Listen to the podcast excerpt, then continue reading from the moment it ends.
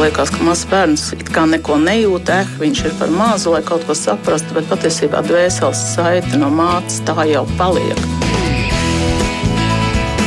Mēs tiekamies ģimenes studijā.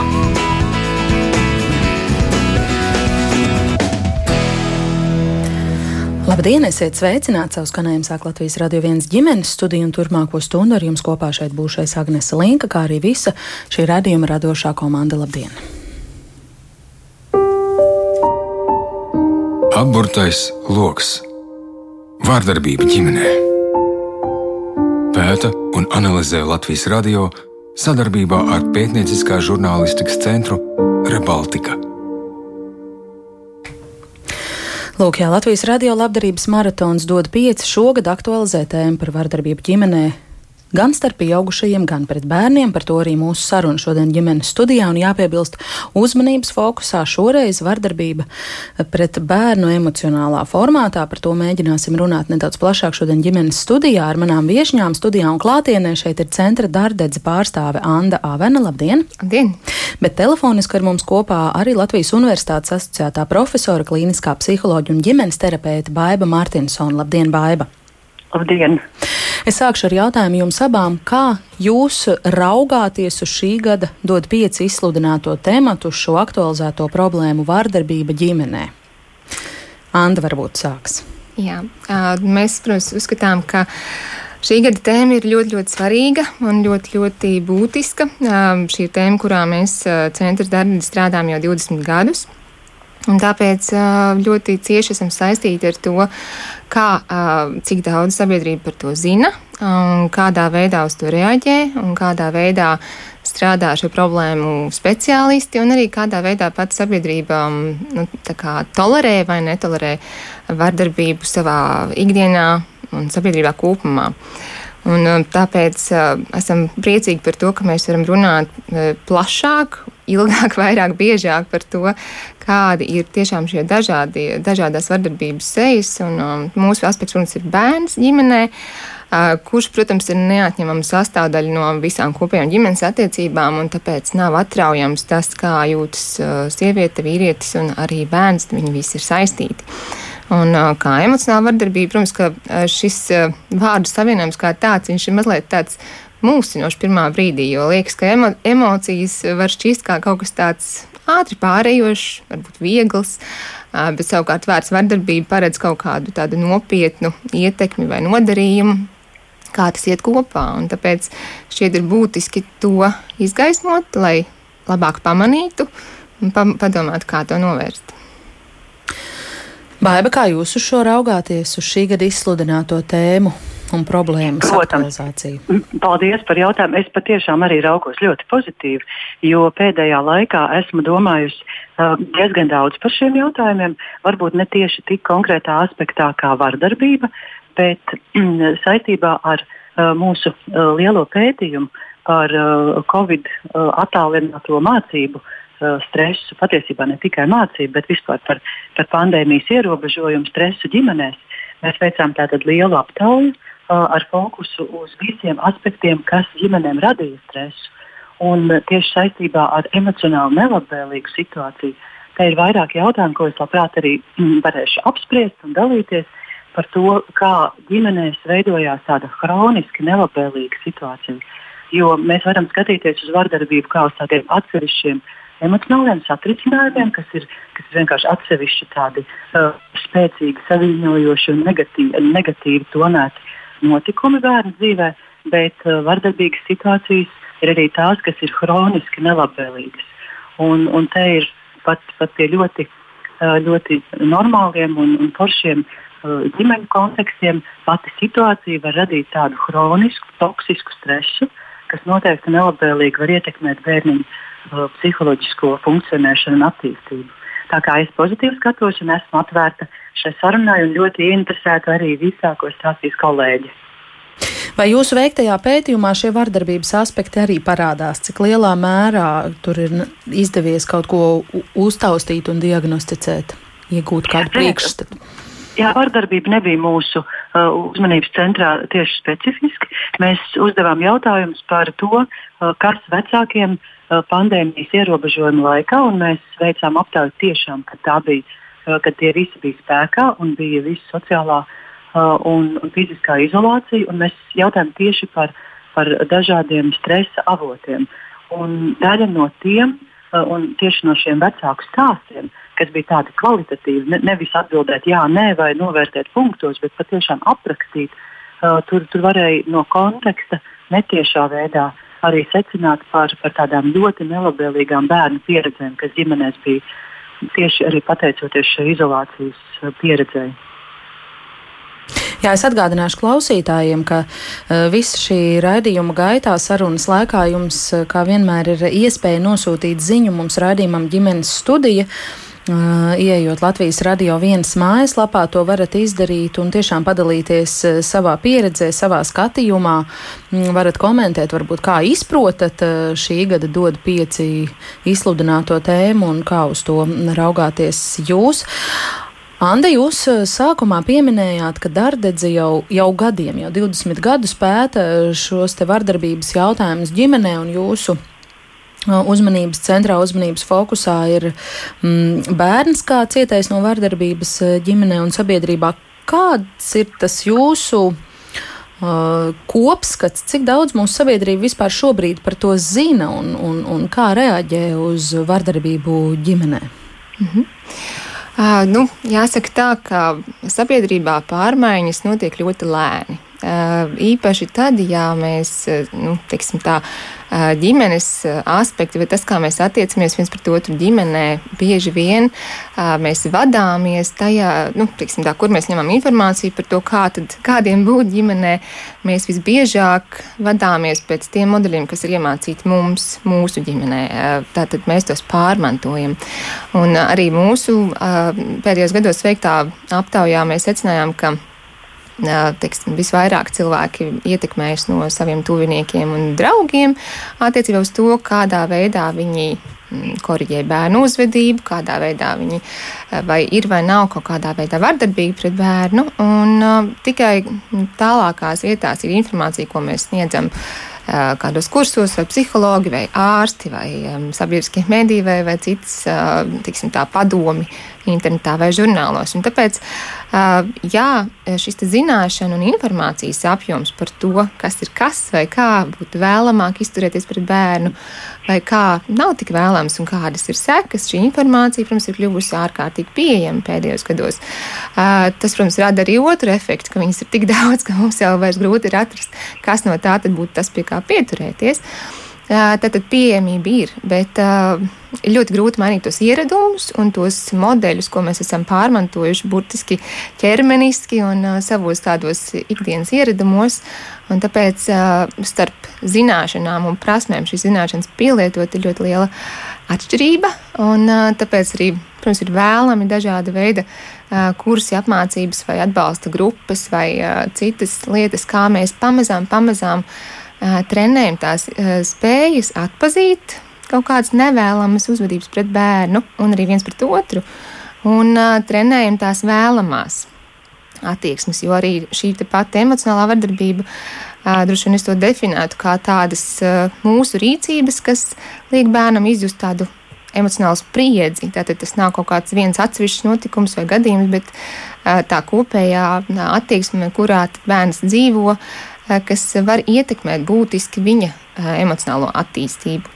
Un, eh, tā tad, jā, var teikt, īsumā zināšanas mainās, bet mūsu izpausmes darbības varbūt mainās daudz lēnāk. To mēs arī redzam pētījumos par to pašu fizisko vardarbību, kas īstenībā jau nav īpaši nodalāmas, nodalāmas šie vardarbības veidi, kā attieksme par to, vai tu vari vai kādo, kādos gadījumos arī fiziski ietekmēt bērnu vai pērt. Uh, šie rādītāji mainās ļoti, ļoti lēni, jo nu, tomēr tās, tās attieksmes, kā dažreiz atsevišķās situācijās, ja tomēr ir kaut kādi apstākļi, ja mēs saprotam, nu, mūs kaut kas izprovocē, ka tad jau tomēr kaut ko var.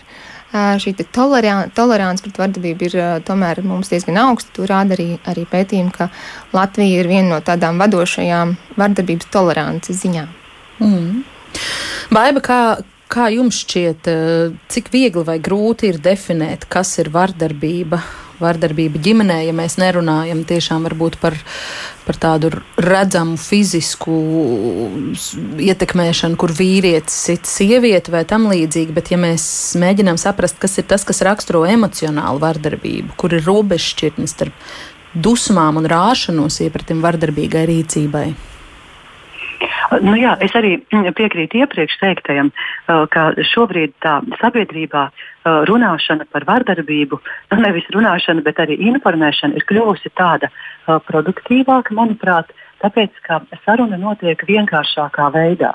Jo, ja mēs saucam tiešām tikai ar šo smago vārdu vardarbību, pēc būtības tā ir, par to varētu vairāk runāt kā par sekām. Jo, ja mēs tiem cilvēkiem sakām, tas ir vardarbīgi, tu esi vardarbīgs, mēs veicinām to, ka cilvēks to ne, neatiecina uz sevi un norobežojas. Nē, nu beidziet, es taču neesmu, es jau nerauju savam bērnam galvu no, es tagad būšu vardarbīgs. Tas, tas kaut kādā veidā rada tādu, tādu bloķēšanu, ja pa daudz baida sabiedrību, tad arī viņi neatiecina šo lietu uz sevi. Un, un jums arī taisnība, ka, ka nodefinēt emocionālu vardarbību, nu, nu, tad, tad jau vecāki arī teiks, nu, ko tad es savu, tad jau es savam bērnam nevaru ne viņu tur druskuļi sarāt, ne viņam kaut ko aizrādīt. Te, te vairāk ir runa, uh, es pat teiktu, par tādu kopējo kultūru sabiedrībā, kas, ko mēs uzskatām par pieļaujamu uh, un normālu, un, un ko mēs uzskatām par normālu bērnu audzināšanu, vai disciplinēšanas veidiem, un ko nē. Un šeit jāsaka, ka, ka tā nav tikai ģimenes vide, uh, bet tā ir piemēram arī skolas vide. Ne jau vēl starptautiskie pētījumi uh, saka, ka tādā tiranizēšanas un vienaudžu vardarbības ziņā mūsu skolas ir, ir ieņem ļoti augstas, negodpilnas, bet ļoti augstas vietas. Un zināmā mērā tas ir arī tieši šī emocionālā klimata dēļ, kā, ka skolās ir ļoti daudz spriedzes, ļoti daudz stresa gan skolēniem, gan pašiem pedagogiem, uh, kas saistās ar viņu darbu un tas padara situāciju tātad hroniski nelabvēlīgu. Nu, ģimenē tieši tāpatās. Kā, kā, protams, mēs varam teikt, ka emocionāla vardarbība ir gan, gan bērna nu, aizskaršana ar vārdiem, ignorēšana vai, vai, vai ka ka, ka bērns tiek turēts spriedzē, vecāki to var darīt apzināti, bet vecāki to var darīt arī neapzināti. Un vecāki to var darīt arī uh, mīlot savu bērnu. Tā ir tā lieta. Jo nereti mēs domājam, ka, ka mēs, kas mīlam savus bērnus, mēs tur tā. Mums ir disciplinēšanas paņēmieni, bet tie, kuri tur slikti uzvedās pret bērniem, ka tie vienkārši nemīl savus bērnus, bet savā izpratnē viņi tāpat domā, ka viņi audzina bērnus par labiem cilvēkiem. Jo tieši, tieši arī tā kā teica kolēģi, ka, ka vecāki vadās no tiem modeļiem, ko viņi ir apguvuši bieži vien savā ģimenē. Un tas jau ir tipisks, kad vecāki saka, beidziet mani pēru, vai es esmu izaudzis par sliktu cilvēku, vai cik es esmu labs cilvēks. Nu jā, tā, kā, tā kā emocionālā vardarbība par to noteikti ir ļoti, ļoti vērts runāt, jo nereti mēs pat uh, ne, nevaram iedomāties, kā normāli vecāki, kādas sekas gan īstermiņā, bet īpaši ilgtermiņā uh, tāda nu, nerūpēšanās par bērna emocionālo attīstību, kādas sekas var atstāt.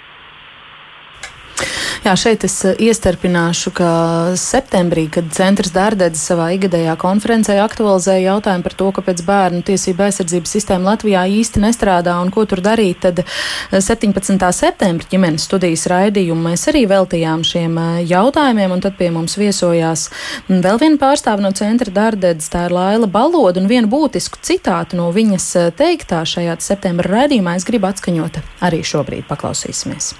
Ko mums ir jāsāk runāt. Mums vispār ir jāsāk nu, ķidāt un iedziļināties jēdzienā vardarbība un mēģināt saprast, ko mēs par saprotam ar vardarbību. Jo nu, mēs lietojam bieži vien pretiesiskas darbības pret bērnu un vardarbību pret bērnu. Vai tas ir viens un tas pats? Nu, man tomēr ir tāds sajūta, ka tas nav viens un tas pats. Mums visiem ir jāsaprot, ka tas nav viens un tas pats. Respektīvi, būs vienmēr vardarbība, lai kā mēs to sauktu. E, nu, plašā pasaulē to sauc par maltrītmentu, respektīvi nepietiekam labu apiešanos ar bērnu vai, vai cietsirdīgi izturēšanos uzturēšanās, bērni jāatur dažādi vārdi tiek lietoti. Eh, bet tas nozīmē, ka tā var būt darbība, kura šobrīd varbūt pat bērnam nerada nekādas sekas. Nu, nu pieņemsim, vecāki, nu, piemēram, jā, jā. pieņemsim, teica ar māmu savā starpā bērnu klātbūtnē kaujās, un viņi tam bērnam pirkstu nepietur. Bet tas bērns ir turpat blakus guļ, varbūt pat gultiņā, un, un ir paēdis, un viss ar viņu ir kārtībā. Šajā mirklī tas bērns it kā necieš. Viņš, protams, ir nobijies, un viņam piesaistes sistēma ir satraukta. Bet tad, kad viņš izaugs liels, tālākā nākotnē šis radīs ļoti nozīmīgas sekas, jo tas būs viņam iedevis tādus uzvedības modeļus, eh, kas liks jebkuras eh, starppersonu attiecības, eh, partneru attiecībās risināt ar varu, jā, ar vardarbības, ar vardarbīgām metodēm. Un šobrīd mums ir grūti to nosaukt par vardarbību. Mēs teiksim, rekrutēts par māmu kāvās. Viņi bija vardarbīgi viens pret otru, bet kur tur parādās tā vardarbība pret bērnu? Un tā ir tā nepareizā vai cietsirdīga attieksme pret šo bērnu. Mm. Un te es domāju, mēs arī esam apjukuši kā sabiedrība. Tad, ko mēs saucam par vardarbību? Un es domāju, pēdējie notikumi, par ko arī tik plaši sabiedrība diskutē, tas jau ir par to pašu. Vai stingra audzināšana ir vardarbība, vai disciplinēšana ir vardarbība. Mums vēl joprojām par to ir jārunā. Lai gan tiklīdz mēs sākam to tēmu cilāt, eh, sabiedrība saka, beidziet vienreiz to vardarbību runāt, cik par to var runāt, tur viss ir skaidrs. Es saku, ka nav skaidrs.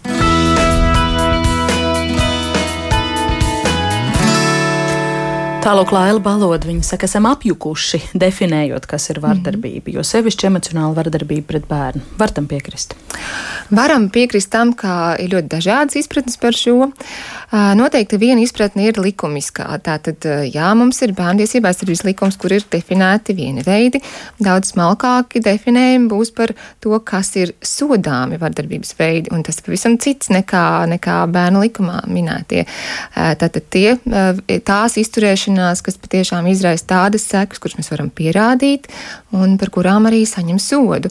Un absolūti nav nepieciešams meklēt vai mēģināt likt vienādības zīmi starp to, eh, kas ir eh, tāda uzvedība, kas bērnam nav vēlama, ir eh, īstermiņā vai ilgtermiņā kaitējoša, un kas ir sodāma vai no likuma viedokļa sodāma.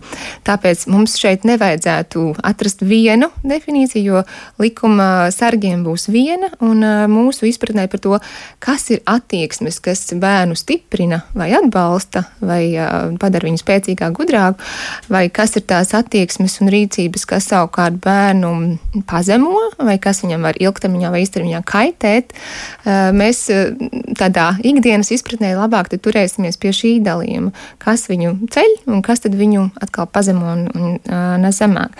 Un man pašai patīk tas dalījums par to, mūsu izturēšanos, kā viņu uh, vērtēt mūsu pašu izturēšanos pret bērniem tādos trijos uh, jautājumos. Vai man izturēšanās uh, pret bērnu ceļ vai arī pazemina viņa pašapziņu, ko mēs darām ar bērnu pašapziņu, vai mēs stiprinām mūsu savstarpējās attiecības, mūsu uzticēšanos ar bērnu, vai arī kaut kāda konkrēta izturēšanās iedzen tur to baiļu ķīli starp mums, un mēs attālinamies viens no otra. Tas būtu otrais jautājums, ko sev uzdot. Un trešais, ko sev uzdot, noteikti ir, vai tas, ko mēs šobrīd darām, palīdz viņam apgūt to vēlamo uzvedību vai prasmi, ko mēs varbūt viņam pārmetam, vai tas mūs, kā, vai, vai bērns no šī patiešām stiprina savas prasmes, darīt labāk vai kļūt kā, prasmīgākam. Šīs trīs varētu būt tādas lietas, ko sev uzdot, lai saprastu, vai mēs kā, bērnam at, nu, kā atbalstoši rīkojamies vai ne. Hmm. Baiba, kas jums vēl piebilstams? Likās vērtīgs šis trīs aspektu uzskaitījums, jo es domāju, ka tas ir tieši tā, tas vēlamais pieejams, kā mēs varētu plašākai sabiedrībai vispār nu, palīdzēt domāt par piemērotu vai nepiemērotu izturēšanos pret bērnu. Nu, padomāsim pavisam par vienkāršiem piemēriem. Uh, vecāks, uh, ja bērns drusku tur neķojās, ja nu, vienalga bērns neķojās, un tagad pilnīgi restomātiski piemēram. Nu, mamma saka, vai kas tas ir, kas te kliedz, kur palicis mans mīļais bērniņš, rūķi manu bērnu laikam apmainījuši. Nu, šādu stāstu, es domāju, pietiekoši daudz ģimenes atpazīst. Un, un jautājums tad ir par to, kā tas bērns jūtas šajā brīdī un ko mēs gribam. Pirmkārt, mēs viņam parādām, ka kaut kādas tavas emocijas vai uzvedības ir nepieņemamas, bet tā pašā laikā nedodam nekādu modeli, kā tad varētu to mainīt. Otrakārt, kas tad notiek ar bērnu pašapziņu, tad, ja viņš šī brīdī, kad viņš raud vai dusmojās, vai, vai vienkārši nu, tā, tad, patiesībā gaida, lai vecāks viņam palīdz būt rāmjos, uh, tad patiesībā viņš jūtas visam nepilnvērtīgs un nevajadzīgs tajā, tajā brīdī, un attiecības visticamāk tas arī nestiprina. Ja, ja tieši tā, tā tad vēl elementārs gājiens, ko, ko vecāki kādreiz saka, nu, ja bērns, nu, mans bērns mēdz tā niķoties tik ļoti, kā, ka nav vērts ar viņu runāt. Un tad mēs vienkārši, nu, tad, tad vienkārši kliedz, cik tu gribi, man ir vienalga, kliedz, kliedz, kamēr tu vienkārši nomierināsies. Un tā izpratne par to, ka bērns, kurš ir vienkārši kliedzis aizgūtnēm, nomierinās, bērns pagurst, viņam vairs nav spēka. Bet tas nenozīmē, ka viņš iegūst sirdsmieru, kaut ko iemācījās un ka viņš nomierinājās. Un šajā situācijā caur to mēs uztrenējam, ka vienīgais veids, kā tu vari tikt galā ar stresu, ir aiziet līdz galam, aiziet līdz kodolsprādzienam. Tas patiesībā neveicina emociju regulācijas attīstību, tas neuzlabo attiecības ar vecākiem un tas neiemāca bērnam neko jaunu. Tātad šajā gadījumā vecāks saka, nu ko tad lai dara? Ja es ar viņu kaut ko runāju, viņš guļ zemē un, un kliedz, un ja es ar viņu runāju, viņš kliedz vēl trakāk. Nu, tad tur ir daži gājieni, ko tu vari darīt. Bet katrā ziņā ir svarīgi bērniņam mācīt, sākt jau nomierināties kaut cik laicīgi, nevis vienmēr iet uh, nu, savā stresā un, un dusmās līdz galam. Tas, tas veids, kā domāt, vai tas vai tas stiprina pašapziņu attiecības, un vai uh, bērns var apgūt to uzvedību, ko mēs gribam panākt. Ja, piemēram, ja mēs gribam bērnu nomierināt, un vecāks viņam kliedz virsū, lai viņš vienreiz nomierinās un aizvarās un apklust, tad ar to, kā tu vari ar agresiju uh, panākt mīlumu. Jeb arī, uh, jeb arī, ja bērns nekārto istabu, tad diezgan tipisks gājiens, ko vecāks stāsta, ir, ka ka, piemēram, izgājuši visu no skapja ārā un iztaisa milzīgu nekārtību bērnu istabā, lai viņš to nevarētu ciest. Nu, tad, tad arī jautājums, vai tad ar, ar nekārtību var iemācīt kārtību. Nu, kaut ko jau no visa var iemācīties. Bet uh, es domāju, ka, ka šāds, uh, šād, uh, šāds uzstādījums runājot par uzvedības piemērotību vai nepiemērotību ir ļoti vienkāršs un, un labi saprotams. Un tas varētu būt tieši vairāk pieņemams klausītājiem, nekā runājot, vai es esmu vardarbīgs vai es neesmu vardarbīgs. Klausītājs Anšlaus mums raksta piemērs iz dzīves. Sieva dusmās sagaida vīru, ievelk elpu, paņem rokās divgadīgu bērnu, kas ir priecīgs, ka tētis ir mājās, un sāk bļaut. Vai šādu vardarbību var pierādīt? par divgadīgu bērnu un pierādīšanu, tad droši vien, nu, varbūt par pieaugušo attiecībām tur varētu jautāt par to, ko tur var pierādīt vai nē, bet par bērniem, kas, kas ir tik mazi un viņu, kā mēs varētu vērtēt viņu emocionālo pieredzi un sekas, tas noteikti būtu ļoti, ļoti sarežģīti. Ir skaidrs, ka ja mēs runājam par sekām, arī mazam bērnam, ja viņš dzird, ka vecāks strīdās, kliedz, dara viens otram pāri, viņi to dzird, redz un jūt, jo maz, arī mazi bērniņi, viņi patiešām, eh, nu, kā, kā spogulis, nu, tiešām atspoguļo jūt visu to, ko mēs, tāpēc, ka mēs esam vienīgais viņu e, glābiņš, lai, lai dzīvot un izdzīvot, tāpēc viņi ļoti, ļoti to jūt.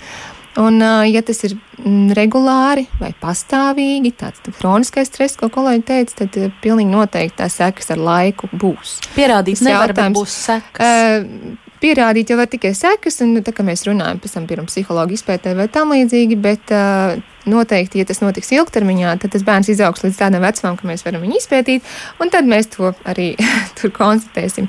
Bet noteikti mm, pie tā nevajadzētu nonākt, un mēs kā vecāki esam atbildīgi par sevi pirmkārt, par to, kā mēs savas attiecības savā starpā kārtojam, lai bērns nebūtu tām konfliktiem dalībnieks vai klausītājs un kā mēs savas emocijas pārvaldam, lai tas neizpaustos uz, uz bērnu. Jo noteikti arī par iemesliem runājot, kāpēc kāds vecāks nepiemērotā veidā izturās pret bērnu.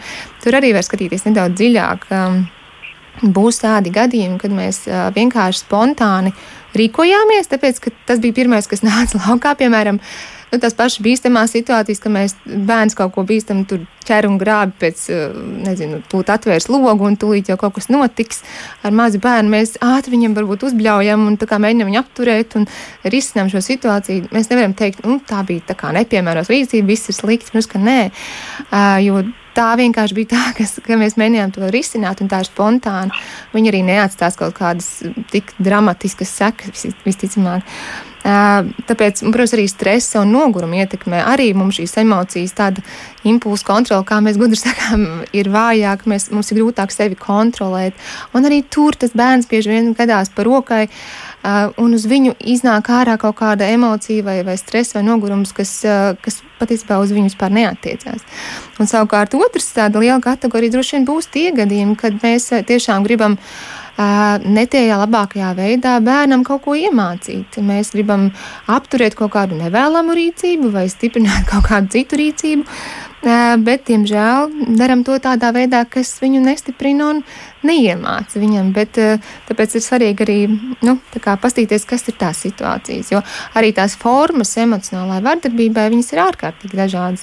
Tikpat labi tas var būt, protams, mums pirmais, kas nāk prātā, ir uh, iebiedēšana vai draudi. Uh, vai pazemošana, apskaukšana. Tas var būt kaut kas tāds, ko mēs atpazīstam diezgan skaidri. Uh, arī tajā pašā likumā īstenībā ir ierakstīts, ka, ja bērns uh, ir klātesošs vecāku konfliktā, tā ir emocionāla vardarbība arī pēc likuma izpratnes. Uh, Bet ir arī citi veidi, ko mēs mazāk domājam, tā pati nekonsekvence, piemēram, mūsu noteikumos. Kad mēs, um, nu, bērns īsti nevar saprast, kā kurā situācijā vecāks reaģēs. Atkarībā no vecāka garstāvokļa, atkarībā no situācijas. Vienu reizi nezinu, man par šito būs uh, pēriens, citā reizē man uzklieks, un vēl citā reizē būs labs garstāvoklis. Man par to vēl kā, uz, nu, tiksim, atbalstīs un man, būs manā pusē. Mm. Un tas, ka bērns nevar īsti saprast, kāda būs kurā brīdī tā vecāka reakcija, arī tas uztur šo spriedzi. Tāpat kā vecāku pārlieku lielais prasīgums pret bērnu, tā ka nu, ļoti liela kontrole. Tāpat ir pāraprūpe, kad mēs visu, visu cenšamies izdarīt bērna vietā varbūt nepieļaujot viņa pašinstīvu. Tas, ka mēs visu laiku cenšamies uzlabot savu bērnu, nu, tā kā uz pulciņiem, uz, mēs viņu pilnveidojam un gribam, lai viņš attīstās visos veidos, lai maksimālais viņa potenciāls atklātos. Pārnodarbinām. jā, jā, un arī tas ir tāds, mm. mēs to bērnu visu laiku gribam uzlabot, uzlabot, bet varbūt, ka paskatāmies, ka viņš jau, viņam jau pietiek, un arī varbūt, ka viņš ir labs, kāds viņš ir. Un, tāpēc arī viens no tādiem svarīgiem aspektiem ir mūsu spēja pazīt savu bērnu, pazīt viņa temperamentu, kāds viņš ir, un pieņemt viņu tāds, kāds viņš ir, un negaidīt no viņa to, ko mēs varbūt šajā vecumā vai no šī paša temperamenta tipa nevaram sagaidīt. Un, kā spēt to izvērtēt. Mm -hmm. Vai jums kas piebilstams? Man ir vēl varbūt tāds viens aspekts iešāvās prātā, uh, jo tā, tā kā tāda nelabvēlīga situācija var būt ne tikai tieša miedarbība vai miedarbības trūkums ar vecākiem, bet varbūt arī ļoti nelabvēlīga situācija, teiksim, ka bērns ir liecinieks uh, arī kaut kādam pilnīgi nepiemērotam saturam, piemēram, uh, interneta vai televīzijas saturam, kā, kā bērns varbūt ir jau nolikts gulēt, mazs bērns, piemēram. Uh, Un, un vecāki skatās uh, kaut kādas šausmu filmas un bojevikus, no kurienes nāk pilnīgi uh, destruktīvas, uh, nesakarīgas skaņas, ko bērns nevar uh, ne saprast, ne, ne kaut kādā veidā izskaidrot. Un, un viņš nesaņem arī nekādu skaidrojumu par to. Ja es domāju, ka, piedodiet, jūs ļoti maigi raksturojāt šo situāciju. Patiesībā bieži vien es domāju, ka ir vecāki un veselas ģimenes, kas skatās šo pašu saturu, tad, kad bērns nav nolikts gulēt. Abs, absolūti, un, un, un vēl ir pavisam traki, bet nu, labi, to es vairāk dzirdu tagad um, savā praksē. Ar klientiem, ko, ko agrāk varbūt dzirdēju nedaudz mazāk. Agrāk arī tas vienmēr bijis, ka ļoti daudzās ģimenēs televizors ir kā ģimenes loceklis. Ka tātad visu laiku no rīta pieceļoties televizors iet, un, un cilvēki pat uzņem viesus un sēž pie galda ar viesiem. Un tā vietā, lai komunicētu tieši uh, fonā, grandī televizors. Uh, tātad, tā, tas ir vēl pilnīgi cits attiecību modelis, bet, protams, runājot par to, ka rāda nepiemērotu saturu, uh, Un, un bērnam ar to kaut kādā veidā jātiek galā. Mēs jau arī pēc kaut kādām bosiku filmām šādi pieaugušie nevaram labi gulēt. Bet tad jāpadomā, kā, kā tas ir bērnam. Un īpaši šajā laikā, kad kad bija attālinātās mācības un bērni maz bija, maz bija vieni paši mājās, uh, viņi arī skatījās pavisam nepiemērotu saturu. Un, protams, internetā Un, un ja vecāks nepalīdz šo, šo lietu, vienkārši nezina un nepalīdz bērnam kaut kādā veidā to sakārtot savā prātā vai arī nomierināties, tad arī tas var turēt bērnu pārņemt ar kaut kādām domām, ar bažām, emocijām un atkal turēt toksiskajā, jeb kroniskajā stresā. Mm. Klausītājus gan ļoti, ļoti uzrunā tieši vardarbības pret bērnu mm, forma tādā veidā, ka tomēr tā ir līdzdalība, klātesamība pieaugušos strīdos. Mm, tā piemēram, kāda klausītāja mums raksta, ka mēs esam nopietni klieguši viens uz otru bērnu klātbūtnē, saprot, ka tas ir nepieļaujami, bet tajā brīdī katliņš ir gājis pāri malām. Tagad mācos to nedarīt, mācos būt līdzsvarā un ceru, ka tomēr lielākā mūsu sadzīves daļa tomēr ir bērnam pozitīva, pašu bērnu gan nekad nenosaukt sliktā vārdā vai nenoniecinātu. Savukārt vēl kāda, kāds klausītājs raksta, mana mamma ar tēti skaļi nestrīdējās, nekliedza viens uz otru, bet apzinīgā vecumā es sapratu, ka tā klusā mammas raudāšana bija varbūt vēl daudz nepanesamāka. Ļoti, ļoti labs, labs komentārs. Man liekas, tas ir ļoti trāpīgs, ka jā, mēs mēdzam būt visi, nu, daudzi no mums mēdz būt emocionāli. Un dažkārt tas ir vietā. Mēs arī vispār pirmkārt jāatzīst tas, ka mēs visi dažkārt izdarām kaut ko, ko varētu nosaukt par ne, netik labvēlīgu izturēšanu pret bērnu. Man liekas, nav ideālo vecāku ne, ne, nevienā pusē. Un mēs tiešām mēdzam būt emocionāli, mēs mēdzam pacelt to balsi. Jā, un ja mēs strīdamies ar savu partneri skaļi bērnu priekšā, protams, ka mēģinām no tā izvairīties, cik mums ir iespējams, bet ja tas notiek, tad mēģinām, protams, nebūt pazemojoši pret otru. Un, tiklīdz mēs spējam nomierināties, tad runājam par to ar bērnu. Ja cerams, ka viņš ir tādā vecumā, ka mēs varam viņu uzrunāt un pastāstam. Un ir ļoti labi, ja mēs eh, varam pēc tam, pirmkārt, mēs varam arī izlīgt bērnam redzot, ne tikai sastrīdēties bērnam redzēt, redzot, un tad bērns redzēs to pilno eh, apli, ka, Ciklu, ka mēs varam arī, ka mēs varam arī atrisināt mhm. konfliktu, mm -hmm. ne tikai viņš eskalējas, un tas būtu ļoti vērtīgs iegūms bērnam, kad jūs redzat, ka viņš redz, kā jūs izlīgstat. Un ka jūs arī varbūt varat atvainoties viens otram. Un par atvainošanos jāpiebilst, ka ir ļoti būtiski, ka mēs arī bērnam kaut kad varam atvainoties. Jā, mums diezgan daudziem, mums, es teiktu, ka visiem gadās situācijas, kurās mēs varbūt neesam labākajā veidā noreaģējuši, bet ir ļoti, ļoti būtiski, ka mēs uztveram bērnu par tādu pašu cilvēku kā jebkuru citu. Un, mēģinam izturēties pret viņu cieņu, un tas nozīmē, ka mēs kaut kādā mirklī varam pateikt, piedod, es, man nevajadzēja šī tā darīt, šis bija baigi nejauk, kā es izdarījos, bet es, nu, es to darīju tāpēc, un mēģinam varbūt neattaisnoties, bet varbūt paskaidrot, kāpēc tas nav notika, mēģinam varbūt tā vairs nedarīt, bet, bet noteikti ir ļoti labi, ka mēs um, nu, iedodam to kontekstu bērnam, mm. kas tas bija lai viņš saprot, kas notiek, un lai viņš jūtās droši ar mums. Un ļoti svarīgs punkts par to, kluso, pasīvo agresiju, ko arī, protams, ka bērns to jūt arī tad, ja jūs nekliedzat savā starpā, bet bērns jūt to, ja ir tā nu, pasīva agresija vai tāds naidīgums, kurš izpaužās varbūt ne vārdos, bet gan attieksmēs, skatienos kaut kādā nīgrā piezīmē vai paņirgājoties citam par citu. Un mēs, diemžēl, nevaram cerēt, ka bērnam tas paliks nepamanīt. Viņš to nu, lielā mērā iemācīsies no mums, diemžēl. Mm.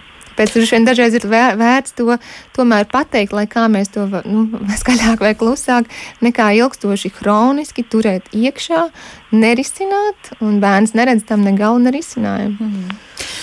Vēl kāda klausītāja mums raksta, ikdienā apkārt, diemžēl, redzu ļoti daudz reālu situāciju, kad vecāki sit savus bērnus ar vārdiem, apsaukājot, pazemojot un noniecinot, un tā ir verbāla vardarbība, kas nav pieļaujama. Es eh, tieši šī komentāra kontekstā gribu tieši šobrīd mūsu sabu, sarunai piepulcināt vēl kādu dalībnieku. Tā ir uh, mamma, daudz bērnu mamma, arī uh, auģu mamma un bloga manas debesis autore Elīna Bateraga, kura tādā garākā pieredzes stāstā piekrīt ģimenes studijā ļoti atklāti raksturot savu bērnības pieredzi tieši mūsu šodienas sarunas kontekstā. Paklausīsimies viņas teiktajā.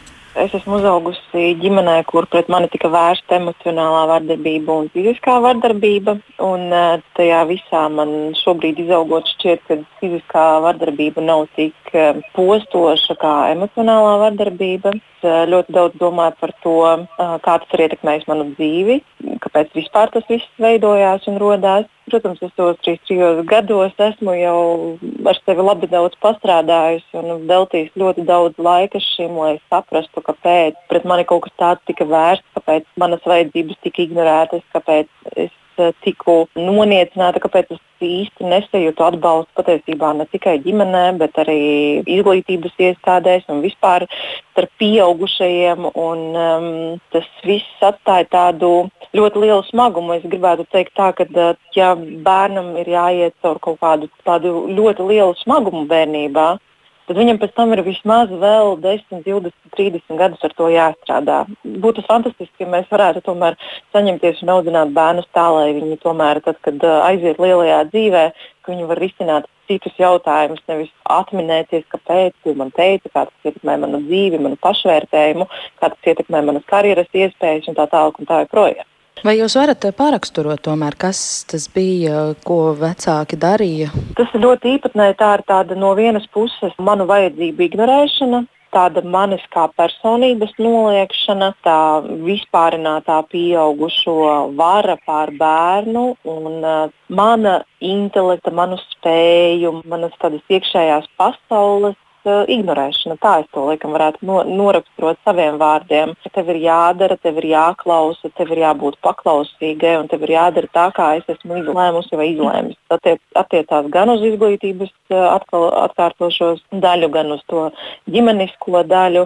Jā, nu tāda visu laiku dzīves satraukumā, visu laiku dzīves stresā. Tas ir tā, ka tu nekad neesi pietiekami labs. Pat ja tev kaut kas kaut kur sāk sanākt, tad tev tik un tā vēl ir tūkstots uh, vietas un lietas, kas īsti nesanāk. Un tā kā visu laiku ir tā sajūta, ka nekad nekas nav pietiekami labi. Kaut kā neredzot tajā bērnā to, ka tas ir cilvēks. Viņš ar šo bērnu var veidot līdzvērtīgas sarunas, pret viņu var vērst līdzvērtīgu attieksmi. Un, uh, tā nav tikai manas ģimenes problēma. Ja? Tā ir tāda manuprāt, vispār mūsu sabiedrības problēma, ka mēs neredzam bērnā šo personību, mēs neredzam viņa vajadzības. Taču sociālajos tīklos vērojot, es redzu, ka cilvēki ļoti uztraucās par to, ka mūsdienu bērniem ir pārāk daudz tiesību. Es atzīšos, ka es to vispār tā neredzu. Es uzskatu, ka uh, mums cilvēki absolūti neizprot, kas patiesībā ir bērnu tiesības. Bērnu tiesības ir justies drošībā, tās ir viņa tiesības justies labi, tas ir būt novērtētam, būt akceptētam. Viņam ir tiesības, ka viņa līdzcilvēki saskata viņā vērtību. Un, manuprāt, šo visu ignorējot, mēs esam emocionāli vardarbīgi pret bērniem. Kā jūs raksturot, no kādas ģimenes jūs nākat tā ārēji, sociāli, taču droši vien gana labvēlīgi ģimene bija? Nu, tā ir tā viena no tām problēmām, kas ko es eh, redzu un līdzcilvēki bieži vien nesaskata, bet to es redzu tikai tāpēc, ka es pati esmu no tādas ģimenes. Tā ir ģimene, kas ārēji izskatās ļoti viduvēji normāla ģimene, jo nav nedz narkotiku, nav nedz alkohola. Tie ir uh, labi saģērbti, normāli vidusmēra cilvēki. Bet uh, aiz tām maskām, diemžēl, slēpjas pilnīgi cita ikdiena. Tu atnāc mājās, un tā ir cita dzīve. Un publiskajā daļā ir vēl viena dzīve. Publiskajā daļā mani mīlēja, mani cienīja, man, ar mani jauki sarunājās, un mājās ir šī durvis aizslēdzama, un tur ir kaut kas cits. Es aicinātu sabiedrību nevērot ārējās izpausmes. Es aicinātu sabiedrību pavērot bērnus. Manuprāt, nekas labāk neraksturo ģimeni kā tas, kā bērni uzvedās, kā viņi komunicē ar ārpasauli, kā viņi jūtās un tā tālāk. Jo bērns nemāk tēlot. Pieaugušie, diemžēl, jāatzīst, māca aiziet uz skolām un izstāstīt, cik viss ir fantastiski un problēma tikai ar bērnu. Varmācīgi vecāki māca patiesībā jebkurā struktūrā aiziet un pārliecināt, ka mums viss ir lieliski, bet ģimenē var nekas nebūt lieliski. Tāpēc ir ļoti svarīgi vērot tieši bērnus un sākt uzticēties bērniem. Mēs nemākam uzticēties bērniem un ieklausīties viņu vajadzībās. Kas būtu tie sarkanie signāli, jūsuprāt, vērojot bērnu, kas būtu citiem sabiedrības locekļiem ārpus ģimenes jāpamana un kas liktu aizdomāties, kā ģimenē pret šo bērnu izturās? Uh, nu, manā gadījumā, manā bērnībā viss bija ļoti vienkārši. Es biju diezgan gudra meitene, kurai diezgan slikti gāja mācībās, jo man bija tik ārprātīgi augsts šis ikdienas stresa līmenis, ka es vienkārši nevarēju pamācīties. Es uh, ejot mājās, es zināju, ka tur būs vienkārši šausmas. Es teiktu, ka uh, pirmā struktūra, kas tiklīdz bērns uzsāk izglītības gaitas, ir skola. Mums nav jānosoda bērnu, kurš nevar izpildīt mājas darbus. Mums ir jāuzdod jautājumu, kāpēc viņš nevar izpildīt mājas darbus, kāpēc bērns aizmirst izpildīt mājas darbus. Varbūt tāpēc, ka viņa galvā ir tūkstoš un viena problēma, kas īstenībā nav bērna problēma. Bet vecāks viņu uzveļ mājās, tā smagnējā aura, viņa nomāca bērnu, viņa neļauj bērnam realizēties. Sākotnēji tātad tas ir uh, medicīnas personāls, kas var vērot, kāds ir veselības stāvoklis, ja, un tomēr vērot ļoti cītīgi ne tikai fizisko veselību, bet arī mentālo. Bērngārzā vispār viss ir ļoti vienkārši. Ja. Bērni ļoti labi parāda, kas patiesībā mājās notiek, un tālāk aiziet izglītības iestādes. Es negribētu teikt, ka à, nu, ja bērns nevar sakoncentrēties mācībām, ka kaut kas drausmīgs notiek mājās, tas var būt iespējams pat nozīmē to, ka ļoti ir nepieciešams atbalsts pašiem vecākiem. Vai šobrīd, skatoties atpakaļ uz uh, savu bērnību, jūs redzat kaut kādus risinājumus, kas būtu varējis uh, jūs no tā paglābt, vai mainīt šo atmosfēru ģimenē, vai mainīt vecāku attieksmi? Jo šī gada dod pieci ir par tādiem ļoti konkrētiem, praktiskiem, ātriem risinājumiem, kā varētu mazināt vardarbību ģimenē. To ir ļoti grūti tā viennozīmīgi pateikt, bet uh, es sakni redzu savā uh, vecmāmas nelaimīgajā bērnībā, ko viņa ir pārnesusi uz savu bērnu nelaimīgo bērnību un radījusi šo neaiz ļauna prāta, vienkārši nemākot un nezinot. Ja. Tā teikt, cilvēks nelaimē rada nākamo nelaimi, un tas tiek nodots no paudzes paudzē. Protams, katra paudze bišķiņu to samazina. Nu, gadās kāds, kurš var izrauties un pateikt, visu šo riteni es apstādinu. Un tas ir laikam arī katra tas uh, iekšējais pienākums. Jā, varbūt mana vecmāmiņa netika galā ar situāciju. Jā, mana mamma arī netika galā ar situāciju, bet tas nenozīmē, ka man ir tieši tāds pats liktenis. Es esmu pieaugušs mm. cilvēks, kuram ir jāuzņemās atbildība par savu dzīvi. Es nevarēju uzņemties atbildību par savu bērnību. Bērnībā bija tieši tā, kā bija. Bet tagad no šī brīža man kā pieaugušam cilvēkam ir jādara pilnīgi visu, lai es to nenodarītu saviem bērniem. Tas ir darbs ar sevi. Galvenais, ko mēs šobrīd varētu izdarīt, ir esošajiem bērniem, kuri dzīvo smagnējos vai smagos apstākļos, izdarīt visu, lai viņi to nepārnest tālāk uz savu ģimenes dzīvi katram vecākam vajadzētu saprast, ka kritizējot un izsakot negatīvus komentārus, mēs katru dienu gremdējam savus bērnus. Mēs uzliekam viņiem ļoti daudz akmeņus uz pleciem, un uh, tas nākotnē traucēs šiem bērniem veidot veselīgas attiecības gan darba vidē, gan partnerattiecībās, gan ģimenisko dzīvi veidot. Mums ir jāuzdod jautājumu, ja mēs audzinām bērnus, pret kuriem mēs esam emocionāli vardarbīgi, kāda ir iespējamība, ka šie cilvēki aizies tālāk savā dzīvēm un viņi izvēlēsies un veidos tādas attiecības, kurās viņi mācīs sevi cienīt, kur viņi neļaus citiem darīt sev pāri un kur viņi varēs izveidot kaut ko veselīgu. Man liekas, tas ļoti būtiski runājot par to, kā novērst vispār jebkāda veida vardarbību ģimenē turpmāk.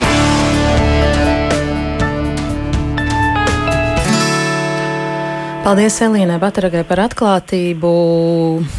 Atgādināšu, ka ar mani ģimenes studijā klātienē šeit kopā centra darbības pārstāve Anna Avena, kā arī Latvijas Universitātes asociētā profesora psiholoģa Baiba Martinsona. Es vaicāšu uh, jums, ko jūs akcentētu no Elīnas teiktā, un tas galvenais jau jautājums pāri visam, tā kā mēs esam pietuvojušies strauji raidījumu otrai daļai, kad vajadzētu parunāt par tiem risinājumiem.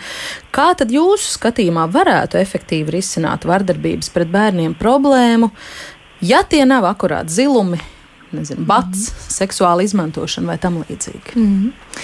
Man šķiet, ka tur bija ļoti daudz dažādu aspektu, ko gribas komentēt. Eh, protams, ka tas eh, fons, no kāda nākušas iepriekšējās paudzes, ir tāds, ka mēs vispār nerunājām par emocijām, vai par attiecībām, vai par to, kā mēs tur jūtamies, vai par mēs nerunājam par to, kas ir droši piesaist, par ko mēs tagad daudz runājam. Par to, jā, bet iepriekšējās paudzes tas... mainīt mēs jā, nevaram. Ko mēs tāpēc, varam tāpēc droši vien ir tas, ka mēs, eh, mēs, saprot, mēs pirmkārt tomēr saprotam, ka, ka, kas ir tas mantojums, kuru es nevēlos nest tālāk. Un tad ir, ir un tad ir šis nākamais solis, kad es uzņemos atbildību par sevi, par savu bērnu, par savu ģimeni.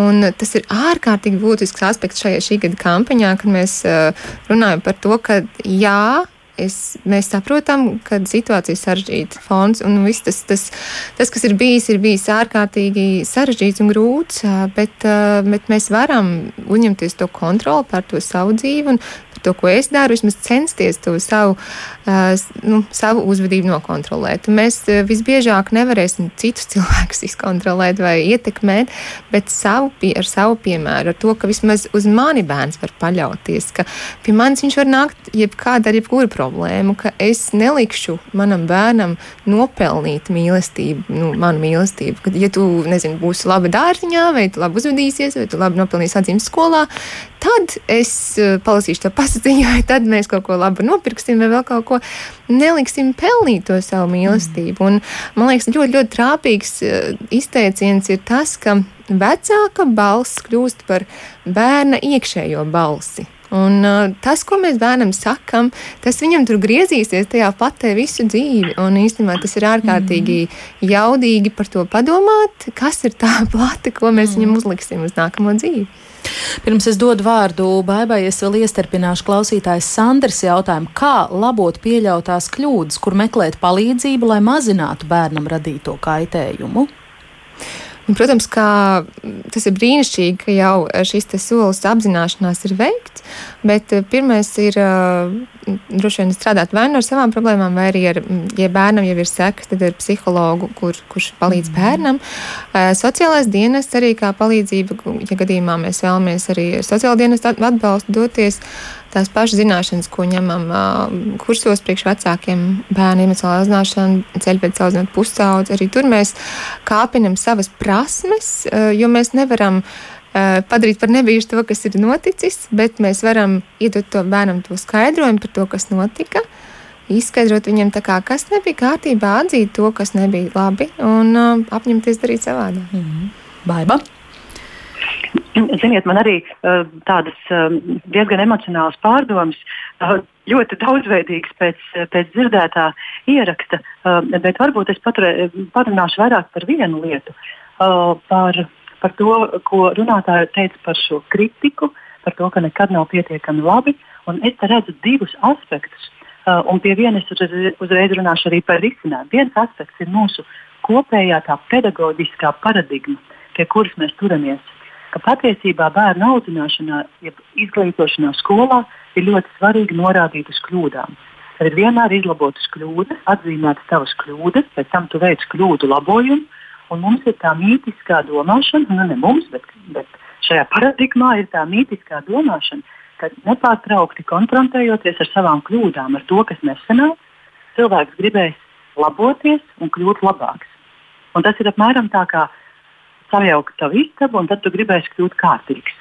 Uh, un, un ja šo mēs varētu mainīt, kā orientēšanās uz kļūdām un uz tikai uz kaut kādu uh, vērtējumu, uz atzīmēm, un te ir vēl viena lieta, ka nereti pieaugušie, gan pedagogi, gan arī vecāki, viņu, viņi ir sajūguši kopā savu pašvērtējumu ar to, ko dara viņu bērns.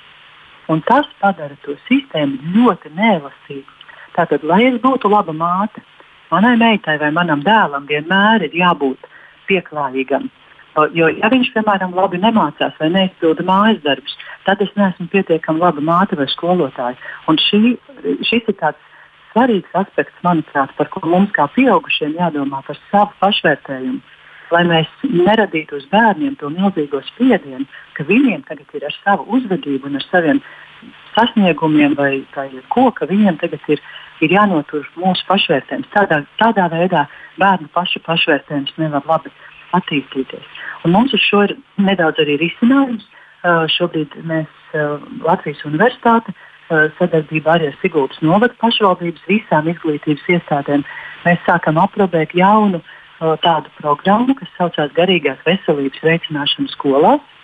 Un šajā mācību gadā mēs mēģināsim pārbaudīt tās efektivitāti Un šī programma ir tieši par to, lai mainītu skolas klimatu, lai uzlabotu skolas vidi, kas, kas mazina iespējamību uh, nu, tādam toksiska stresa uzkrāšanai, jo šis kroniskais stress, arī par kuru runāja intervētā kolēģi, viņa, viņa teica par to, ka, nepārtraukti, ne, ka viņa nevarēja mācīties. Un tas stress ir tur nepārtraukti zemajā startā. Un tas ir pierādīts, ka 300 gēni atbild par reakciju, bēgt vai cīnīties. Un, ja tie gēni ir visu laiku aktivēti, tad pamazām veidojas organismā iekaisums un cilvēks vienkārši slimo, fiziski slimo. Tāpēc arī tas ir viens no, no, no tādiem indikatoriem, domājot par, par uh, nepiemērotas bērnu audzināšanas atpazīšanu. Tie ir bērni, kas, kas arī ļoti daudz slimo, kam ir daudz skolas kavējumu. Tātad mēs mēģinām jau nu, veidot tādu kopēju skolas klimatu, tādu kopēju pieeju, strādājot ar pedagogiem, bērniem un iesaistot arī vecākus, lai veidotu vienotu izpratni un sadarbošanos. Jo nevienmēr, uh, ja, ja kaut kur nu, teiksim, mājas vidē bērnam varbūt neiet tik labi, tad skola ir milzīgs resurss. Milzīgs resurss, kas var dot bērniem atbalstu. Jo mm, šajā programmā mēs veicināsim vienu īpašu aspektu, kas saucās dzīves spēks. Un dzīves spēks ir tas, uh, tas palīgs, kas palīdz atkopties pēc traumām un pārdzīvojumiem un noturēt normālu dzīves kvalitāti. Jo nav jau tā, ka visi ir tik traumēti vecajos laikos, un nu, tagad jaunajos laikos mums viņi visi ir jārehabilitē. Tā jau gluži nav, jo ir cilvēki, kas ir piedzīvojuši ļoti nelabvēlīgus apstākļus, bet dzīvo ļoti kvalitatīvu dzīvi. Un tieši tāpēc, ka viņi ir apzinājušies, tā kā arī runāja intervētā kundze par to, ka viņi saprot, ka viņi grib mainīt to starppauģu pārnesu un nedot viņu tālāk, un ka ir pietiekams dzīves spēks, lai varētu noturēt savu dzīves kvalitāti. Nu, tikai viens jautājums, vai tas viss tikai Siguldiešiem pieejams, ja jūs teicāt sadarbībā ar Siguldas novada pašvaldību vai arī visiem citiem Latvijā, kam tas varētu būt vajadzīgs, varētu būt pieejams?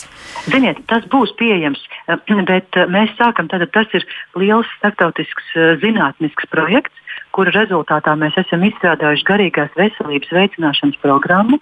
Tā sastāv no trīs daļām. Viena daļa ir sociāla emocionālā mācīšanās, visas prasmes atpazīt emocijas, vadīt emocijas, risināt konfliktus, pieņemt lēmumus, saprasties ar citiem. Tad otra daļa uh, nodarbības ir vērsta tieši uz dzīves spēku stiprināšanu, un trešā nodarbība daļa ir vērsta tieši uz dažādu uzvedības un emocionālu problēmu uh, jau laicīgu nu, riska mazināšanu, jeb novēršanu. Par pieejamību tikai minūte mums ir atlikusi. Jā, pieejamība, mēs tagad to pārbaudīsim un izmērīsim zinātnisku efektivitāti, un pēc gada tas būs pieejams visā Latvijā. Paldies, tā laba ziņa, vai ne? Tieši. Paldies par sarunu. Saku savām šīs dienas ģimenes studijas viesņām. Tās bija uh, šeit studijā klātienē pie mums viesojās centrs Dārdedz pārstāve Anda Avena, bet telefoniski ar mums kopā bija Latvijas Universitātes asociētā profesora klīniskā psiholoģa un ģimenes terapeita Baiba Martinsona. Paldies, ka dalījāties savā pieredzē un, un, un zināšanās par redzējumu tapšanu. Šodien gādāja Ilza Zvaigzne, Nūna Leimana un es Agnes Linka, bet ģimenes studiju klausieties atkal rīt. Krislabu!